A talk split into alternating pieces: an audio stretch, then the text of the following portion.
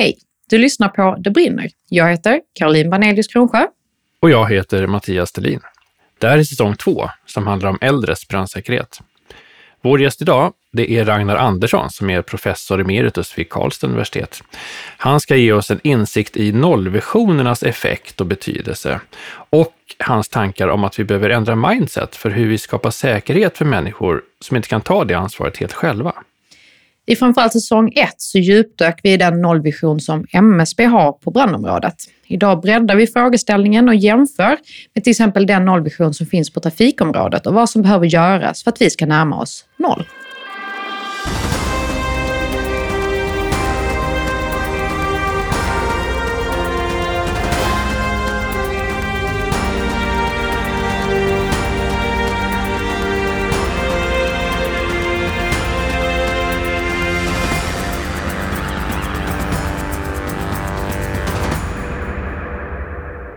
Välkommen Ragnar Andersson.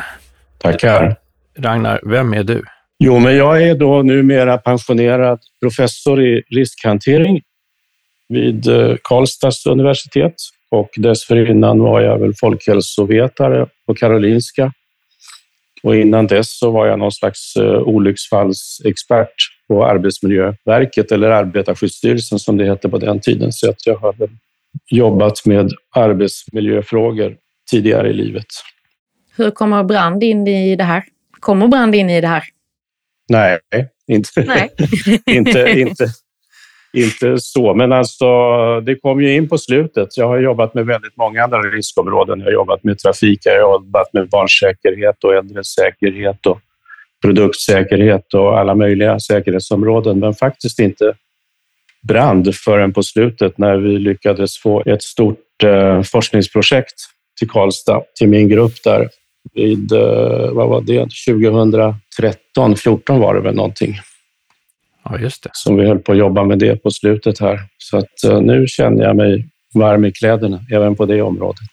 Ja, och den forskningen hörde väl ihop med den här stora satsningen som MSB och Brandforsk gjorde där för tio år sedan ungefär. Så vi, vi pratade lite om det i säsong ett faktiskt, när vi jobbade med frågorna där. Sen har ju du varit med och skrivit Eh, en bok tillsammans med Brandforsk om bostadsbränder och eh, du var ju också med och skrev Brandskyddsföreningens vision för och strategi för bostadsbränder vet jag. Ja, just det. Det stämmer det. Då tänker jag, då hamnar vi ju direkt i den här frågan från bostadsbrand till, har du haft en brand själv någon gång? Jag är inte hemma. Nej. Och inget som har liksom spårat ur ordentligt. Men däremot så har jag väl varit med och eldat eh, fjolårsgräs i dikeskanterna och sånt där som i alla fall och känt att man har fått hjärtat i halsgropen. Det kan ju flamma upp väldigt fort och dra iväg åt fel håll och så där. Ja. Och, eh, och sen har jag faktiskt varit med om en klädbrand hos en granne. Där en liten gosse, gosse skulle sträcka sig över ett värmeljus och ta en kaka på bordet där vi alla satt runt omkring och det tog eld i skjortärmen. Det var väldigt vad fort det flammade upp alltså. Men ja. den rättrådige fadern, han tog bara och strök bort elden med handflatan. Och Jaha. sen var det inget mer med det. Det var, det var ju också en illustration till hur eh, lätt det är att liksom hindra en brand om man vet vad man ska göra. Det är väldigt ja. lite energi i en sån där... Det har ju inte hunnit bli någonting om det brinner liksom i tunna kläder. Så att det, jag tror inte han brände sig heller, alltså, utan det hann liksom inte bli någonting. Det är som att stryka med fingret genom en ljuslåga ungefär. Det känns inte. Men ja. det hade kunnat bli någonting, verkligen. Alltså. Är det nu vi ska säga pröva inte det här hemma? Nej, pröva inte det hemma. Nej. Sen har jag faktiskt sett också ett sånt här värmeljus som flammar upp, som sitter i en liten lykta. Ja. Och där plötsligt övergår till att bli som en blåslampa. Liksom. Jag antar att det sker någon typ av förgasning av paraffinet. Ja, just att det inte bara är veken som brinner då, utan det är hela ytan. Ja, exakt. Mm. Men det var likadant där. Vi var på lunchrestaurang och det stod en sån där på bordet och min kollega som jag åt med, han satte bara tallriken över. var det, återigen, vad lätt det är att bryta ett sånt där förlopp om man bara vet vad man ska göra. Ja, vi eh, inledde, du har jobbat med väldigt många olika saker och, och, olika områden. Men jag vet, du har ju pratat mycket om att liksom, ändra vårt mindset eller ett paradigmskifte och sånt där. Och, vad är det du menar med det? Jo, men alltså jag har ju eh, med, styrkan då för min del, vad jag kan så att säga, komma in och bidra med är ju att jag vet hur man tänker och jobbar inom andra områden. Mm. Och jag tycker då att brandsäkerhetsområdet släpar efter ganska mycket i tänket så att säga. Jag tycker att eh, man på andra områden har liksom gjort upp med gammalt tänkande. Man släpper det här med olyckan, att man ska liksom förebygga olyckan till varje pris och ha fokus på den och flytta fokus till skadan. Det var ju ett av eh, dragen man gjorde när man införde nollvisionen inom vägtrafiken. Man släppte det här med att man ska förebygga olyckor. Det kommer vi aldrig att liksom kunna klara fullt ut. Men däremot behöver olyckorna inte leda till dödsfall och allvarlig skada. Och det öppnar ju vägen för väldigt många nya preventionsstrategier som också har varit väldigt framgångsrika i många fall. Eh, det var det ena och det andra var ju att man släppte den här fixeringen vid eh, individen och individens ansvar. Så var det ju i trafiken också, att det var liksom fortfarande på brandområdet, att det ja. man betraktar som eh, individens ansvar att det sker bränder och att förebygga och så vidare. Numera så ser man det ju som ett delat ansvar. Alltså det är ju väghållaren som tillhandahåller ett transportsystem som innehåller en massa risker. Och då är det ju väghållare och andra systemaktörer, så att säga, då, systemägare kallar man det för, mm. som eh, till exempel fordonstillverkare och så, som har också väldigt eh, stora delar av ansvaret för säkerheten i trafikmiljön. Och lite så tycker jag man borde tänka också i ökad utsträckning då på brandområdet. Ja, men om man tar vägtrafikområdet då och du nämnde nu vägen och fordonet. Men föraren, har man jobbat med hur vi får säkrare förare också? Absolut, men där jobbar man ju då väldigt mycket med vad man kallar för förlåtande system. Återigen, alltså, människor är inte perfekta varelser och. Eh, vägtrafiksystemet ska vara tillgängligt för så många som möjligt. Det ska inte vara uteslutande, det ska inte krävas liksom supermänniskor som sitter bakom ratten, utan vanligt folk ska kunna ha tillgång till det här systemet. Ja. Och då för man ju in mer och mer av olika typer av eh, stödfunktioner alltså som ska hjälpa föraren. Även om man då gör något förbiseende eller så, så ska man liksom få lite stöttning och hjälp. De här, om man tänker på de här förlåtande systemen på trafikområdet, har de då utvecklats sedan nollvisionen kom eller är det någonting som fanns redan tidigare? Det vet jag inte, men det har ju absolut varit en puss efter nollvisionen. Och eh, inte bara i Sverige. Om, i, alltså, det vet jag inte om det är nollvisionen som har påverkat den internationella utvecklingen, men alltså, köper man en ny bil i, idag så är den ju full av en massa stödfunktioner. Kan det bli för mycket system, hjälpsystem? Jag tänker där blir det mycket att hålla reda på. Det kanske inte är samma sak på brandområdet, eller det vet jag inte, men jag bara tänker om man sitter som förare. Det, det kanske det kan, det har jag svårt att, att bedöma, men det har de väl säkert utvärderat väldigt noggrant, de som håller på med det där. Så att, mm. Eh, det har man ju däremot sett i eh, andra sammanhang med kärnkraftolyckor och sådana där saker tror jag att det har liksom blivit för mycket varningssignaler som har gjort att det har blivit svårtolkat helt plötsligt vad, vad det är som ja. håller på att hända egentligen. Men jag tror inte att det är liksom något vi behöver befara när det gäller vägtrafiken ännu så länge i alla fall. Nej. När vi pratar nollvision, vad är en nollvision? Ja, det är först och främst är det en slags målsättning.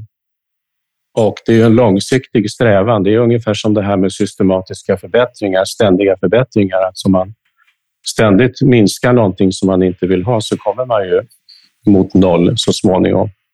Så att säga. Men framför allt skulle jag vilja säga på vägtrafikområdet så är det ju en genomtänkt plan för hur det ska gå till. Alltså en slags eh, teoriapparat. Man vet vad det är som gör att människor omkommer och skadas allvarligt. Det är det trafikvåld eller krockvåld som uppstår i samband med en trafikolycka. Och det är när detta krockvåld överskrider människans toleranströsklar som skadan uppstår så att säga. Och ju mera krockvåld man utsätts för, desto större risk för allvarlig skada och dödsfall förstås. Ja. Och alla åtgärder går ut på att minska det här krockvåldet som ska nå fram. Det är därför vi har mitträcken och vi har såna här krockkuddar och säkerhetsbälten förstås. Och det där tänket är också väl överförbart till eh, brandområdet, tänker jag. Alltså det är bara det att det inte är liksom genomtänkt. På brandsidan har man antagit en nollvision, men man har inte stöttat upp den med den här... Eh, man har inte underbyggt den med det här liksom eh, strategiarbetet och, eh, och tänket. Man, det finns ingen som har tänkt igenom hur det här liksom motsvarande brandvåldet ser ut. Det är naturligtvis då hetta, eh, termisk energi, men det är också förgiftning. Det är brandgasernas förgiftning. Och nu visar ju då vår och andras forskning att det, det är ju det som är den, den, kritiska komponenten så att säga. Förr brändes folk till döds, numera förgiftas man.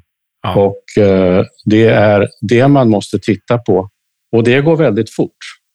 Man har väldigt lite tidsutrymme för att stoppa det om det handlar om en person som inte har möjlighet att eh, hjälpa sig själv så att säga och man har en glödbrand i, i närheten av andningszonen. Mm. Då har man inte många minuter på sig. Men nu pratar vi förut om det här med systemet eller systemen runt, till exempel då när vi transporterar oss själva på en väg. Men om vi skulle översätta så här, hur ser systemet ut där jag bor? Ja, det är ju byggnaden som ju eh, är byggd enligt eh, byggnormer förstås. Mm. Och så. Eh, och de kan vara bättre eller sämre och byggnaden kan vara gjord mer eller mindre i enlighet med hur det ska vara. Och sen är det alla förändringar som är gjorda därefter. Hyr man sin bostad så är det ju en hyresvärd som är ansvarig. Är man, äger man den själv så är man naturligtvis själv ansvarig för byggnaden och dess installationer. Men installationerna är också produkter av olika slag som är införda i bostaden och det finns tillverkare bakom dem. Och sen har vi ju framför allt all inredning och alla lösa apparater och allt sånt här som vi stoppar in i våra bostäder och då kommer vi in på produktsäkerhetsfrågor och sådana där saker. Va? Då är det tillverkare och leverantörer och alla möjliga som också har ett ansvar naturligtvis. Och myndigheter ja. som tillåter eller inte tillåter ja. olika utföranden. Men vad jag tycker där är ju då att när det gäller individens ansvar. Man har ju då ser ju framför sig någon slags eh, välfungerande person mitt i livet. Men de omkommer ju inte i bränder, utan de som omkommer är ju då... Förr var det en hel del barn, det är inte så vanligt nu, därför att vi lämnar inte barn ensamma i våra bostäder och ingen skulle komma på att skylla på ett barn, skylla olyckan Nej. på ett barn så att säga, utan det är ju i så fall föräldrarnas ansvar eller någonting sånt där, eller vårdnadshavare. Och när det gäller äldre så är det ju samma situation. Vi låter folk bo kvar i sina bostäder utan att man har någon som helst eh, förmåga kvar att hantera en uppkommen risksituation. Och det är ju inte de själva, ibland är det ju de själva som vill naturligtvis, men framför allt är det ju då samhället som tycker att det ska vara på det sättet. Mm. Och eh, erbjuder diverse stöd och så vidare. Men återigen, uppstår det då en brand, aldrig så trivial, ofta är det ju väldigt triviala bränder det handlar om, så är ju bostaden plötsligt en dödsfälla för den som inte kan hantera det hela. Ja, vi inledde den här säsongen med att prata med Johanna Gustafsson som du jobbat mycket med också. Hon pratar just med det här att när förmågorna försämras men man fortfarande är kvar i samma boendemiljö. Ja, det tycker inte jag. Jag tycker att man måste kunna ifrågasätta det. Alltså tror mig veta att väldigt många äldre känner sig otrygga ja. i sina bostäder. De som vill bo kvar ska naturligtvis få göra det. Men med rätt stöd då ifrån? Ja, med, med, med de stöd som kan erbjudas. Men alltså, sen har vi ju anhöriga som också går och oroar sig och tycker att det här är inte alls bra och eh, bara väntar på att det ska hända någonting och så. Så att jag tycker att där finns det ju ett eh, innovationsutrymme faktiskt att eh, försöka eh, skapa attraktiva alternativ när det gäller boenden för äldre människor som redan känner sig otrygga och kanske skulle vilja bo på ett annat sätt, fast kanske inte på något ålderdomshem precis, utan det finns väl alla möjliga mellanvarianter där man skulle kunna tänka sig. Jag tror att det pågår utveckling där också. Ja, tänker, vi, har ju nu, vi frågar ju alltid våra gäster just det här, har du haft en brand hemma? Och nästan alla har ju haft det. Och det är ju som du säger, att det måste vi kunna leva med, men vi måste ha bättre medel emot att dämpa konsekvenserna utav det. Men vad är det vi kan ta med oss i samhället? Ska vi ändra lagstiftningar eller är det kommunernas stöd till äldre som vi ska ändra på? Vad är det vi behöver tänka om och sätta nya strategier och metoder för oss själva? När det gäller den delen så tror jag väl, jag skulle vilja sätta ett frågetecken för den här kvarboendeprincipen. Alltså. Jag tycker den har liksom gått alldeles för långt och blivit för helig på något sätt. Jag pratade precis med en eh, äldreomsorgsforskare som berättade att den var inte, den var inte ens liksom, eh, ekonomiskt fördelaktig, utan eh, det, det är väldigt dyrt att vårda väldigt sjuka och gamla i hemmet som kräver mycket omsorg. En fundering där, eh, och rätta mig om jag har fel, men, men nollvisionen för trafiken den är tagen av riksdagen medan nollvisionen på brandområdet är en myndighetsnollvision. Eh, spelar det någon roll? För jag tänker när vi pratar kvarboendeprincipen så det är ju också ett politiskt beslut på riksdagsnivå. Eh, just det här med var får vi effekter någonstans? Ja, det spelar absolut roll.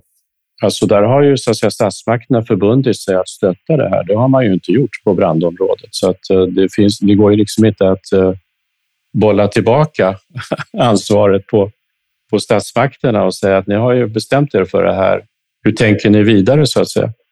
Trafikverket, de redovisar ju varje år för eh, statsmakterna var man står i utvecklingen och vad man bedömer behöver göras vidare för att man ytterligare ska komma ner och rädda tio liv till eller någonting sånt där. Nu var det väl de här fartkamerorna då som mäter mellan alltså snitthastigheten istället för punktvis bara.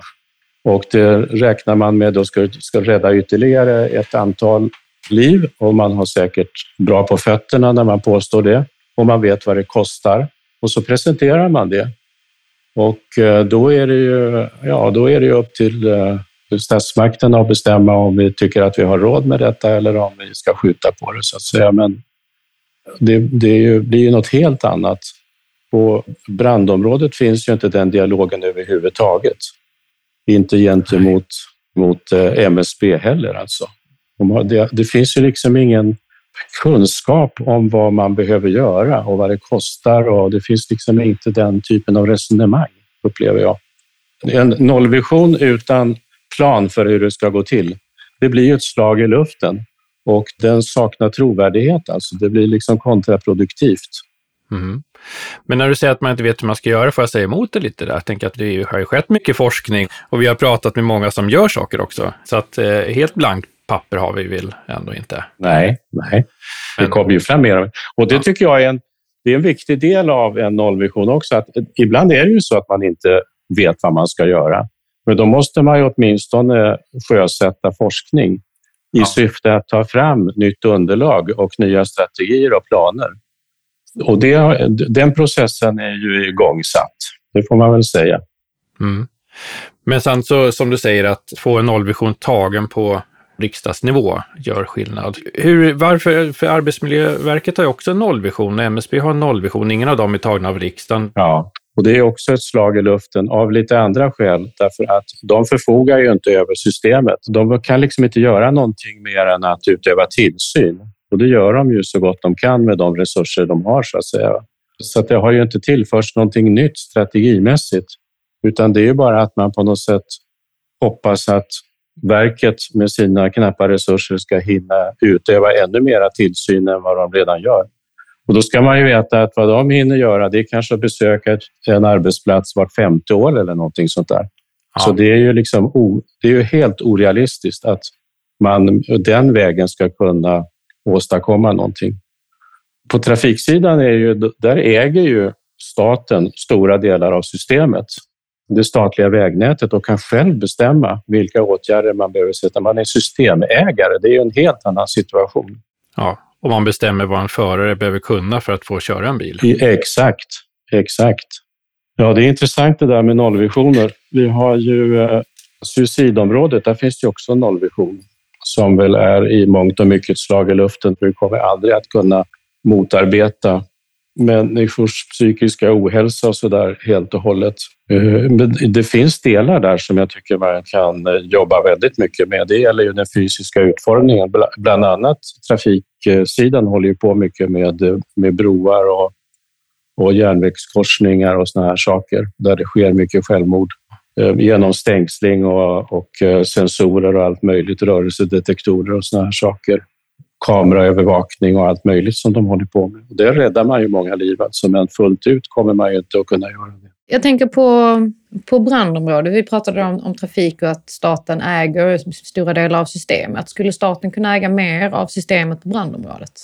Nej, det tror jag inte. Jag tror man måste tänka i andra banor. Men däremot måste man ju... Alltså jag, det jag vänder mig emot är det här med individens ansvar om vi tittar på vilka det är som omkommer i bränder så är det ju orimligt att man skyller på offret. Liksom. Att det var liksom offrets eget fel.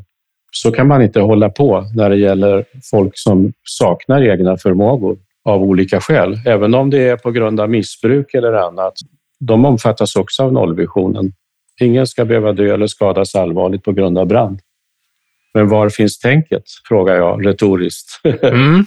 Ja, men jag tänkte på det här med nollvisioner. Vi har pratat tidigare med MSB om eh, att de har indikatorer och man sätter upp mål var tionde år och man följer och man ser en positiv utveckling mot de här målen man sätter upp.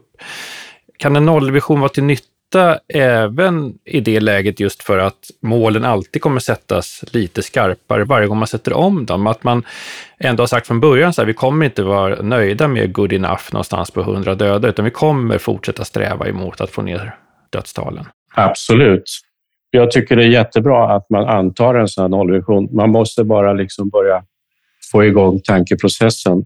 hur ska vi göra för att, att komma ditåt? Och det här med eh, indikatorer tycker jag är jättebra. Ja. Och återkommande uppföljningar av indikatorerna, att försöka utveckla, få, få fram bättre indikatorer och så. Så då har man i alla fall startat en process. Så det tycker jag är, är, väldigt bra. Sen kommer jag inte ihåg alla indikatorer. Jag minns att sist jag tittade på dem så tyckte jag att de var, det var dålig liksom träffsäkerhet. Två av indikatorerna är väl just antal dödade och antal allvarligt skadade. Och det är ju liksom utfall. Det är ju inte indikatorer på risken så att säga. Nej, Nej och sen så tittar man på brandvarnarförekomst i hemmen och förekomst av andra skyddsutrustning också. Ja, och brandvarnare är ju inte något som hjälper de här människorna vi pratar om särskilt mycket. De är väl jättebra för folk i allmänhet så att säga, men inte för just de här specifika riskgrupperna. Nej, det finns en, en topp på isberget där som vi måste göra mer för.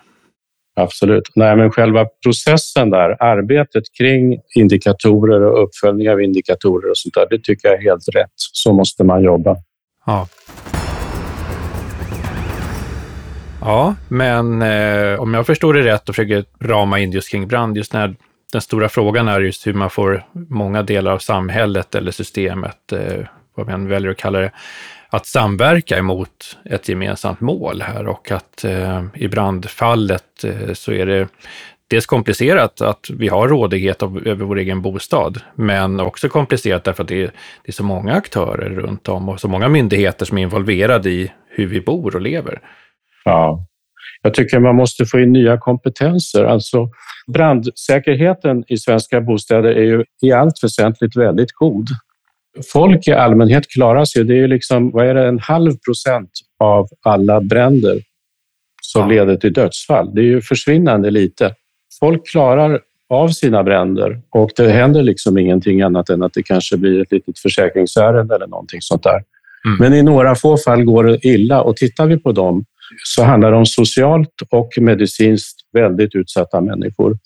Och det krävs social och medicinsk kompetens för att hantera den här frågan. Vi har liksom överlåtit det här problemet till folk som har till uppgift att släcka brand, om jag får uttrycka mig lite vanvördigt. Alltså det är för smal kompetens och det är för fel fokus. Mm. Man måste liksom börja i andra änden av problemet. Vad är det som gör att de här människorna inte klarar sig? Räddningstjänsten ska ju utreda bränder.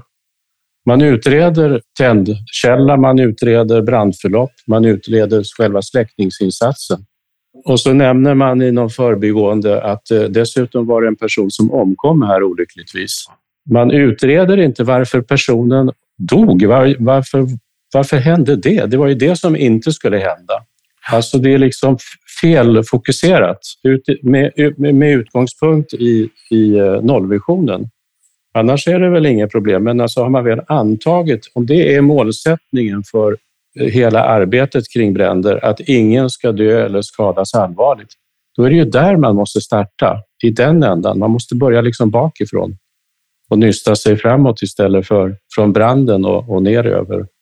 Ja, det finns ju eh, flera räddningstjänster vet jag i Sverige som har anställt eh, människor med just som du säger bredare kompetens, beteendevetare, socionomer, eh, fysioterapeuter och, och så vidare. Och, eh, så det pågår ju en förändring, men det kanske behövs ännu mer. Den behöver breddas och just när det gäller de här utredningarna, för det är, det, det är där man ska hämta kunskap. Det är det som är själva kunskapsmotorn så att säga, för att bygga upp kunskap kring det här så skulle mm. man ju behöva både social och medicinsk kompetens när man gör de här eh, utredningarna. Mm. Hur går det till när folk omkommer i såna här, man hittar någon, det är någon trivial brand, det har en glödbrand i någon möbelstoppning eller någonting sånt där. Och så är det en person som ligger där och är avliden. Alltså hur, gick, hur, hur, hur går det till rent medicinskt? Mm. Skulle jag vilja. Det är ju det som det här, motsvarar ju det här krockvåldet, det som blir kvar och träffar människan. Och vad är det som tar död på personen så att säga? Mm. Och då tror jag att det går väldigt fort. Det är också en sån här grej som har förvånat mig. Man pratar om flashover, liksom övertändning som någon slags kritisk tidpunkt som man har liksom på sig fram till dess med utryckning och såna här saker. Ja. Och det är ju helt irrelevant när det gäller att rädda livet på folk, för då är personen död för länge sedan av de brandgaser som har utvecklats dessförinnan. Mm. Jätteintressant. Ja, nej, men verkligen. Här finns, det, här finns det att göra och att få in eh, fler aktörer och samverka. Verkligen. Sen finns det väldigt mycket förutfattade meningar upplever jag inom området. Alltså det här att de här människorna har flera bränder, att det är därför som de då är särskilt utsatta. Att, mm. att de liksom är så slarviga och vimsiga och så här och glömmer spisen och allt vad det är. För det finns inget stöd för det. Alltså, det finns ju undersökningar om hur, vilka det brinner hos. Och det är ju ja. inte hos de här människorna, det brinner ju mindre hos de, de här människorna. Så det är inte det som är problemet, utan det är att när det händer så har de inga förmågor att hantera situationen och en faktor till. Och det är att man är helt enkelt skörare, alltså man tål mindre med stigande ålder och med kroniska sjukdomar. Det är precis samma problematik som i covid att eh, en del fick ju covid utan ens veta om att man har haft det och andra avled. Det berodde ju på en inneboende skörhet så att säga. Det där tog man ju snabbt fasta på när det gäller då vilka som särskilt måste skyddas och så vidare. Så där, eh, där tänkte man rätt. Och, så, och det finns ju också det här med att man tror att det finns någon slags proportionalitet mellan brandens omfattning och konsekvensens omfattning. Det gör det ju inte när det gäller dödade och allvarligt skadade i alla fall. Ja, just det, så det är inte stor brand, stor konsekvens. Det är inte storbränderna som leder till, eh, till dödsfallen. Nej. Ibland händer ju det naturligtvis, men eh, det finns ingen tydlig sån proportionalitet. Nej. Ja. Vi har mycket att prata om. Ja. det, är, det är ett svårt, svårt område också. Ja, det är ja. det verkligen. Mm. Mm. Ja. Men om det finns någonting konkret, om vi tänker våra lyssnare kanske är, jobbar på en kommun med omsorgsfrågor, så där, finns det någonting så konkret, tänk om, tips ifrån dig som du skulle vilja passa på att ge? Det är väl det här att man väger in naturligtvis brandrisker. Det, på individnivå är det ju en en sällanhändelse. Så det är väl större risk att man ramlar omkull och bryter lårbenshalsen och sådana där saker eller drabbas av stroke eller plötsligt hjärtstopp eller någonting. Men jag tycker man kan väga in det här med brandrisker.